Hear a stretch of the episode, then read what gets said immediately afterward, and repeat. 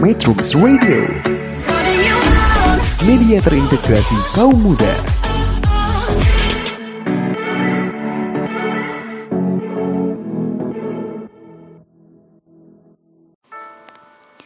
Halo metronom, semenjak pandemi COVID-19 ini istilah work from home jadi populer ya.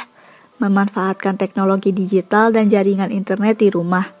Saat ini banyak perusahaan menginstruksikan para karyawannya untuk kerja jarak jauh dari rumah aja.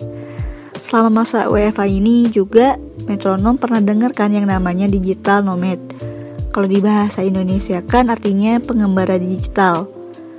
Walaupun tren ini ada sebelum per WFH-an, Ditelusuri melalui situs investopedia.com, istilah digital nomad ini diciptakan pada tahun 1997 dalam buku berjudul The Digital Nomad karya Sugio Makimoto dan David Manners. Buku tersebut meramalkan bakal ada penemuan perangkat komunikasi tunggal yang bisa mengizinkan kemampuan karyawannya untuk dapat bekerja dari mana saja.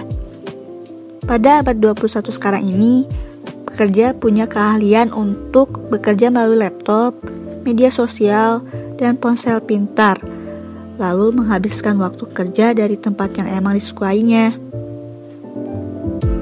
Secara singkat, digital berarti pekerjaan yang dilakukan secara digital, dan nomad yang berarti berpindah-pindah dari satu tempat ke tempat lain. Jadi sederhananya sih, si pengembara digital alias digital nomad ini merujuk seorang individu yang bekerja secara jarak jauh dan juga doyan berpindah-pindah lokasi dengan memanfaatkan teknologi informasi dan komunikasi. Kegiatan kerjanya bisa di kafe, pantai, atau tempat lainnya yang mereka kehendaki, karena mereka nggak terlalu terikat pada satu lokasi aja. Mereka juga bisa sambil melakukan hobi atau aktivitas lainnya yang mereka sukai dan tekuni selama bekerja. Misalnya, kerja sambil traveling. Jadi antara kesibukan kerja dan kehidupan mereka itu bisa seimbang.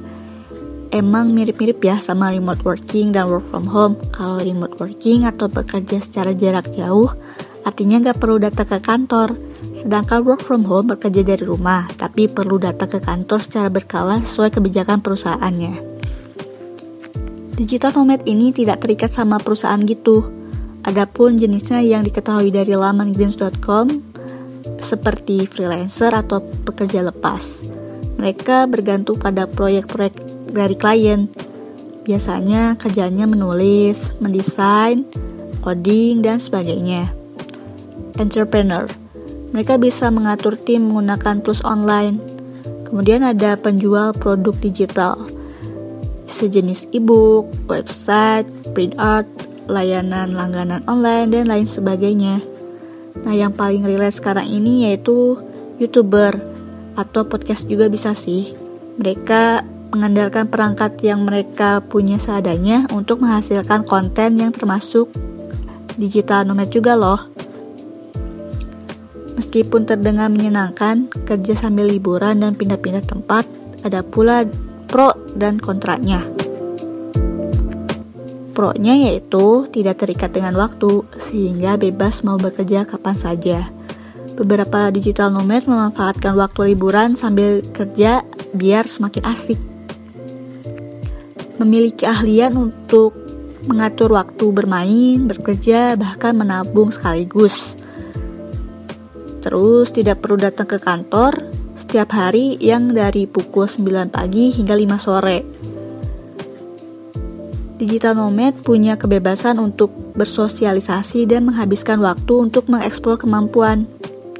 Lalu tidak perlu menghadapi macetnya perjalanan pagi hari ke kantor. Terakhir, memiliki banyak koneksi dari berbagai wilayah bahkan negara. Karena berpindah-pindah tersebut ya. Untuk sisi kontranya, sayangnya digital nomad tidak memiliki penghasilan yang tetap Jam kerjanya juga yang terlalu fleksibel sehingga bisa saja jam istirahat jadi jam kerja, jam kerja menjadi jam istirahat. Tidak semua tempat memiliki jaringan internet yang baik sehingga kadang pekerjaan menjadi tertunda. Dan karena berpindah-pindah tersebut sebenarnya bikin boros. Karena pandemi, banyak karyawan yang beralih memulai sebagai digital nomad ini. Berdasarkan informasi dari bbc.com, adanya studi yang membahas bahwa di Amerika Serikat sana terdapat peningkatan populasi digital nomad sebanyak 50%, yang tadinya 7,3 juta naik jadi 10,9 juta populasi. Berdasarkan wawancara bersama BBC, peneliti pasca doktoral Universitas Finlandia Olga Hanonen yang mempelajari digital nomad bilang, memang orang tidak tinggal di tempat kerja mereka, tetapi bekerja di tempat mereka tinggal. Meskipun meroket, beberapa ahli merasa skeptis bahwa angkatan kerja akan tiba-tiba diisi dengan digital nomad permanen, karena kehidupan sehari-hari di banyak negara mulai stabil. Gimana metronom? Jadi tahu kan? Dengarkan juga konten podcast Metrum lainnya ya. Tunggu bahasan selanjutnya. Dah. Metrums Radio Media terintegrasi kaum muda can't get enough